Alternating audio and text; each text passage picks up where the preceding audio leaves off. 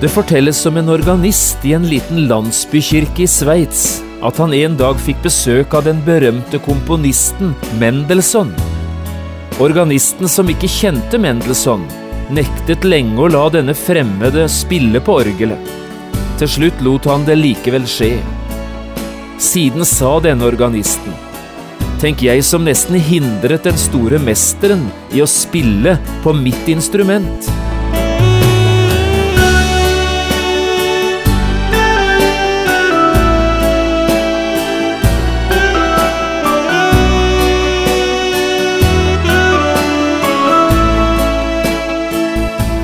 Hjertelig velkommen til et nytt program i serien Vindu mot livet. Programmet er produsert av Kristen Riksradio og blir ledet av Jon Hardang. Kristen Riksradio drives av frivillige gaver. Vi er glade for din støtte.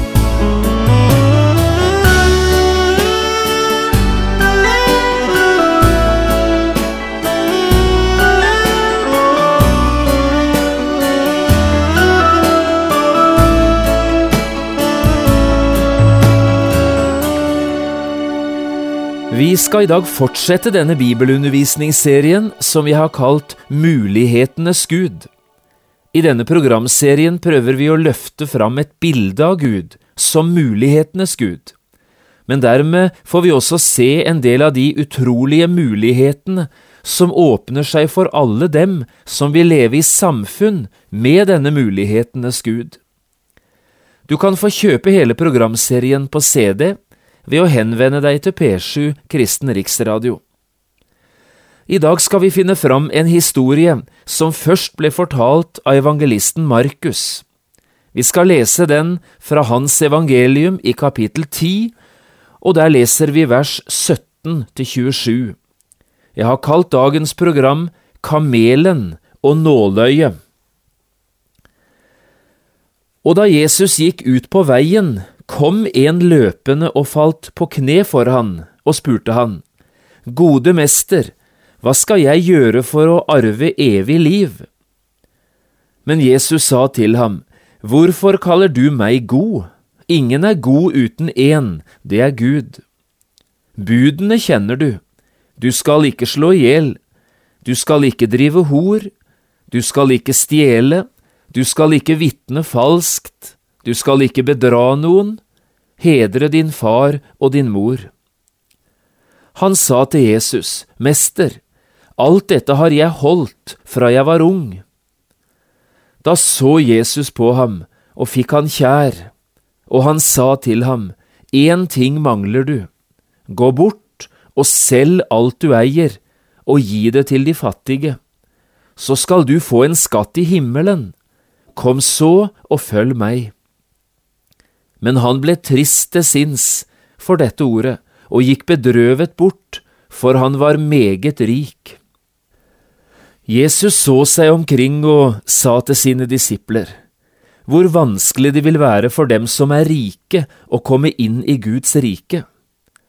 Disiplene ble forferdet over hans ord, men Jesus tok igjen til orde og sa, Barn, hvor vanskelig det er for dem som setter sin lit til sin rikdom, å komme inn i Guds rike. Det er lettere for en kamel å gå gjennom et nåløye enn for en rik å komme inn i Guds rike. Da ble de enda mer forferdet og sa til hverandre, Hvem kan da bli frelst?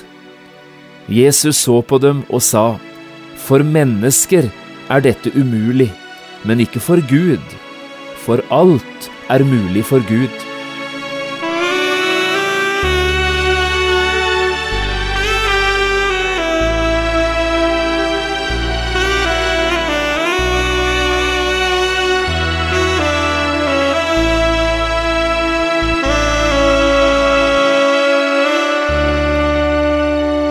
Jeg har lyst til å starte dette programmet med å stille deg to spørsmål, og så kan du jo prøve deg selv om du kan svare.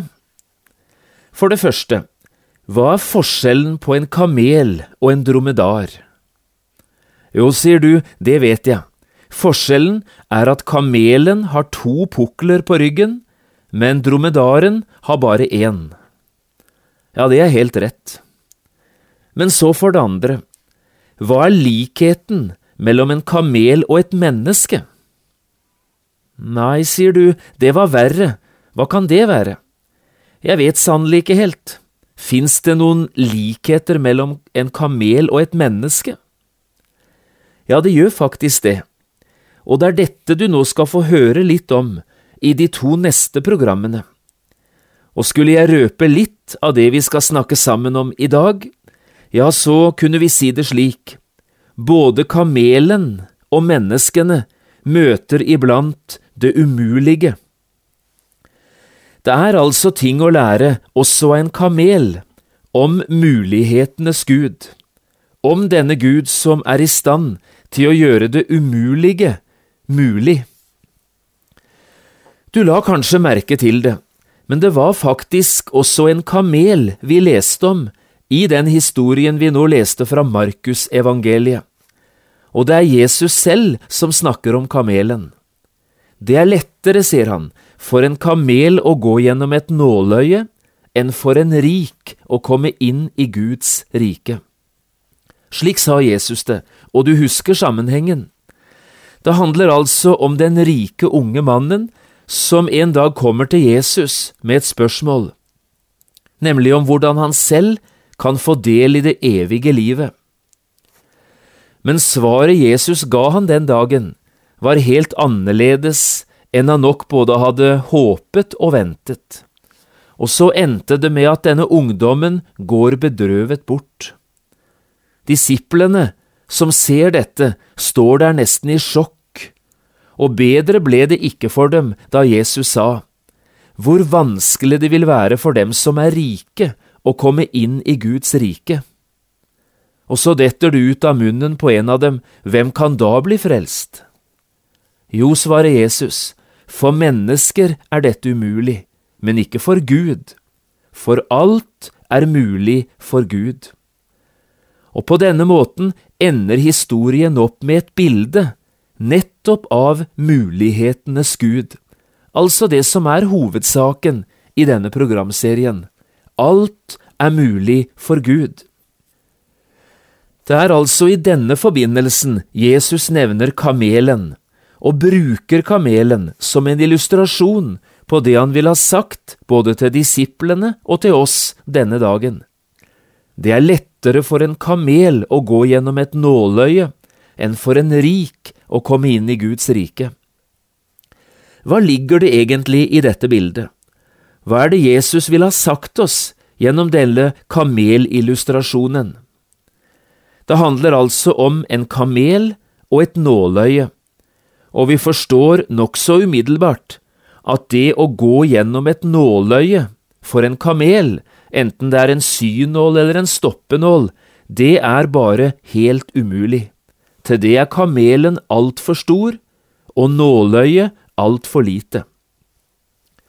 Nå er det riktignok noen som vil fortelle oss at nåløye, når Jesus snakket om det, så er det ikke et alminnelig nåløye. Dette er navnet, forteller de, på en av byportene i Jerusalem.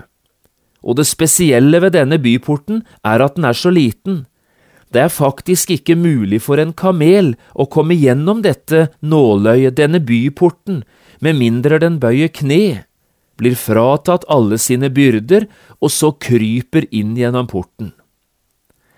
Men dette har jeg liten tro på, at nåløyet skulle være en byport i Jerusalems bymur. Langt ifra.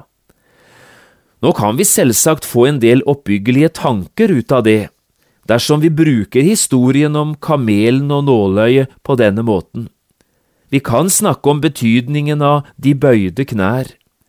Vi kan ta fram hvor viktig det er å være liten, akkurat som et barn, og ikke stor. Og så kan vi sikkert si en del om hvor viktig det er å legge av seg alle byrdene, bli fri fra dette som ellers tynger oss ned i livet. Men er det dette som er poenget for Jesus? at det er mulig å bli frelst om du bare bøyer kne og kvitter deg med byrden og blir liten nok. Er det dette som er poenget? Disse tankene er jo fine nok, men jeg tror faktisk ikke det er poenget i hele tatt. Hovedsaken er jo ikke at det er mulig for et menneske å bli frelst, dersom, hvis, så fremt i fall. Hovedsaken er den motsatte, nemlig at det er umulig. Det er umulig for et menneske å bli frelst. Det er det Jesus sier. Og så kommer hovedsaken, for mennesker er dette umulig, men ikke for Gud. For alt er mulig for Gud. Hovedsaken er altså å vise oss mulighetenes Gud. Han som aldri, heller ikke i frelsesspørsmålet, står opprådd eller rådvill, men som også nå finner en løsning. La oss med dette som bakgrunn se litt nærmere på historien om den rike unge mannen. Det er jo han som er hovedpersonen i historien vi leste sammen. Og la oss først si det slik, det var mye med denne mannen som var bra. Vi kan nevne flere ting. For det første, det var bra at denne mannen gikk til Jesus med spørsmålet sitt. Det var jo til og med et frelsesspørsmål han kom med. Og hvem kan være bedre i stand til å svare på slike spørsmål enn nettopp han som bærer navnet Frelseren? Hvorfor han gikk akkurat til Jesus, det får vi ikke vite noe om, men det var iallfall bra at han gjorde det. Og for det andre, det var bra at han hadde tatt det på alvor i livet sitt, og forsøke å leve som et skikkelig bra menneske.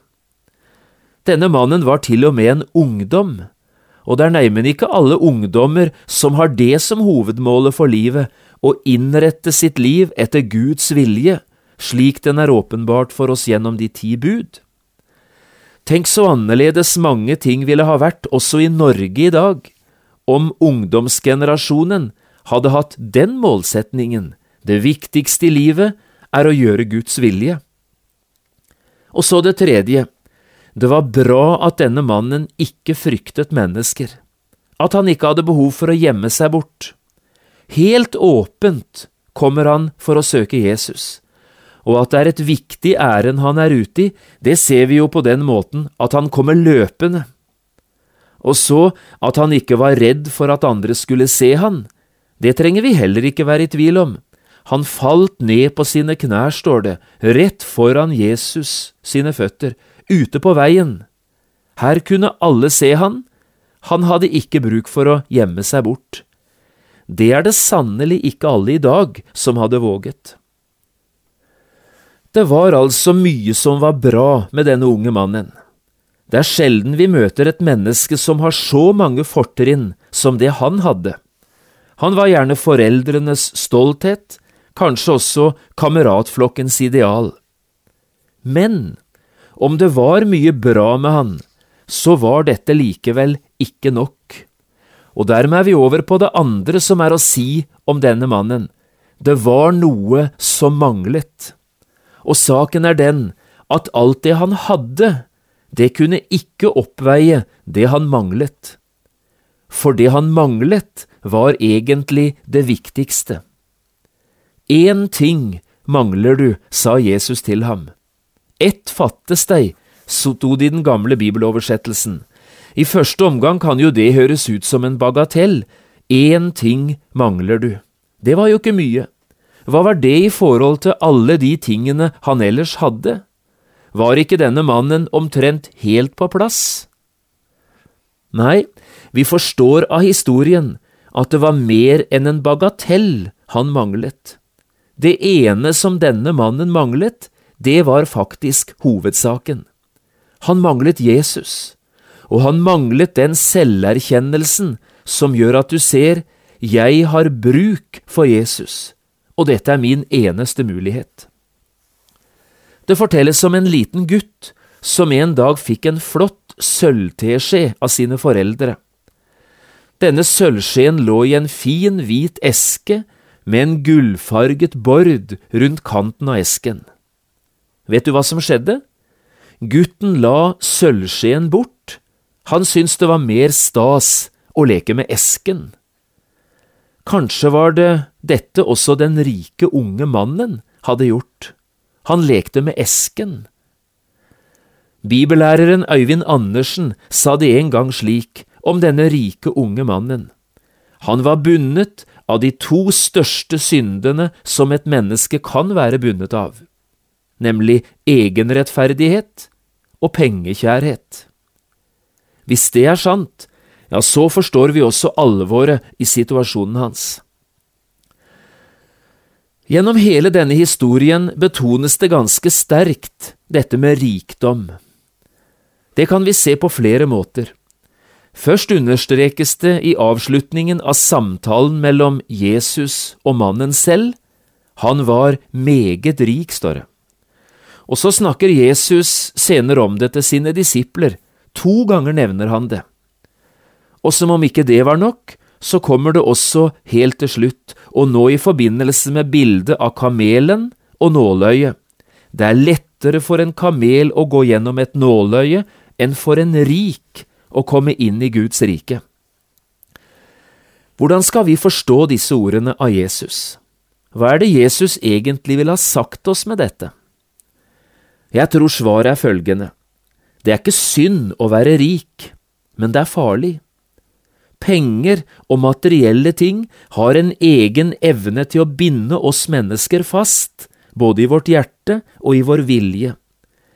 Enten er det du som eier rikdommen, ellers er det rikdommen som eier deg. Andre alternativ fins ikke. Men nå møtte Jesus flere ganger mennesker som var rike. Ikke til noen av de andre sa han det samme som til denne unge mannen. Sakkeus, for eksempel, tolleren fra Jeriko, var en meget rik mann, og han hadde sannsynligvis også gjort seg rik på andres bekostning. Men for han setter Jesus frelsesdøren totalt åpen. Og Josef fra Arimathea, også han var svært rik, men aldri med ett ord framstiller Bibelen det som et problem. Tvert imot, hans rikdom gjør det mulig for han å ære Jesus, og det på en måte som ingen andre var i stand til. Han ga Jesus en ny grav. Hvorfor var Jesus da så hard med denne unge mannen? Svaret ligger nok nettopp her. Denne mannen eide ikke sin rikdom. Det var rikdommen som eide han. Han satte sin lit til rikdommen, for å bruke Jesu egen ord, og dermed var mannen bundet av rikdommen og ute av stand til virkelig å følge Jesus. Han kunne selvfølgelig ha erkjent sitt problem for Jesus og sagt, Jesus, jeg er bundet av rikdommen, frels meg fra disse slavelenkene. Men det gjorde han ikke. Her er det noe å snakke med Jesus om. Jesus, er det jeg som eier min rikdom, eller er det blitt slik at rikdommen eier meg? Samtidig skal vi si det høyt så ingen er i tvil om det. Jeg tror faktisk Gud unner at noen av sine barn virkelig skal være rike, for at de nettopp på den måten skal kunne tjene Gud på en måte som de fleste av oss ikke kan. Jeg ser lett for meg noen eksempler også på det, rike kristne mennesker som virkelig tjener Gud og ærer Jesus gjennom sin rikdom.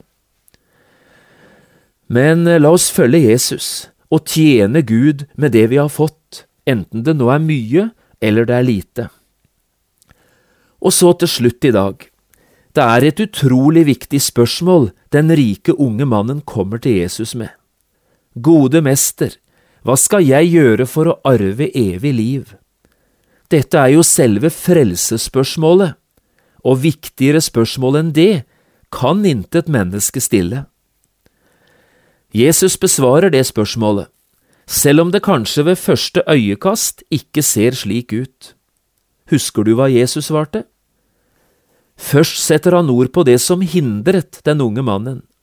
Gå bort og selg alt det du eier, og gi det til de fattige. Dette var nemlig mannens hovedproblem. Det er ikke lett å få gitt noe til mennesker som allerede har hendene fulle.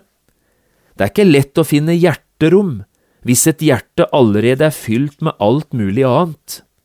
Så dette måtte mannen bli løst fra. Men så fortsetter Jesus. Så skal du få en skatt i himmelen. Kom så og følg meg.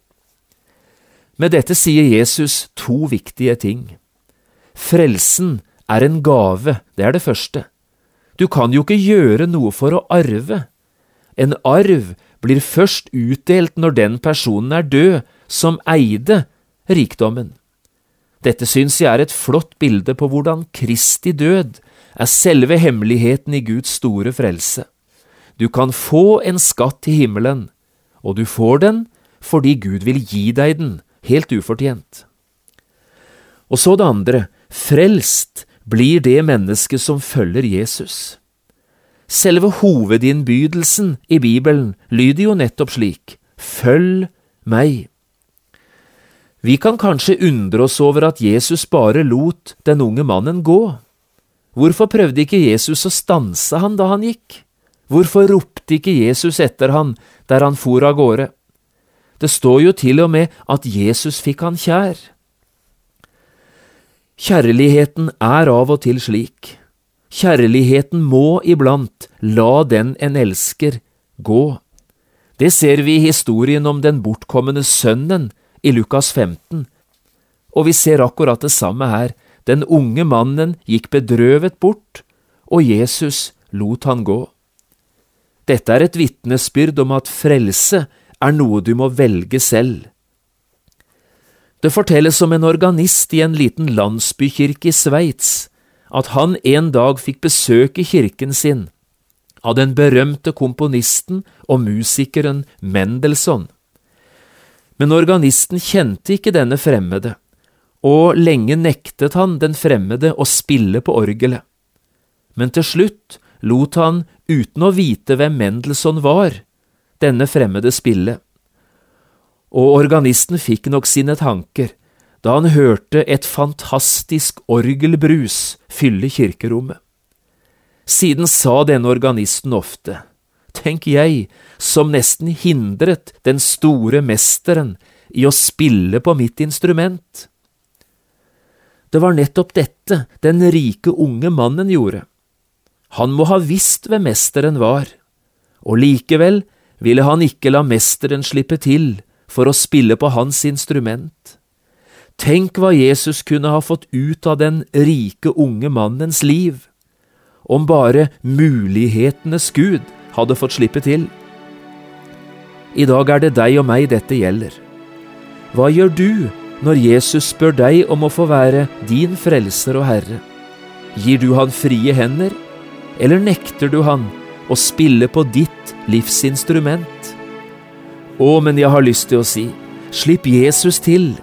La mulighetenes Gud fylle også ditt liv med tilgivelsens og framtidens vakre himmeltoner. Det vil være en liten forsmak på den store skatten som ligger og venter på deg i himmelen.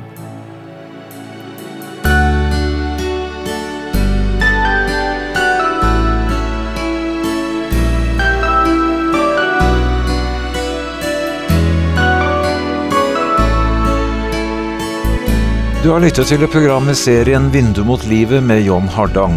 Programmene i denne serien kan også kjøpes på CD fra Kristen Riksradio, eller høres på internett på p7.no. Har du spørsmål eller kommentarer til det du nå har hørt, kan du ta kontakt med oss. Adressen er Kristen Riksradio, Skiene 2, 5353 Straume. Eller send en e-post vml alfakrøll p7.no. Takk for i dag, og på gjenhør.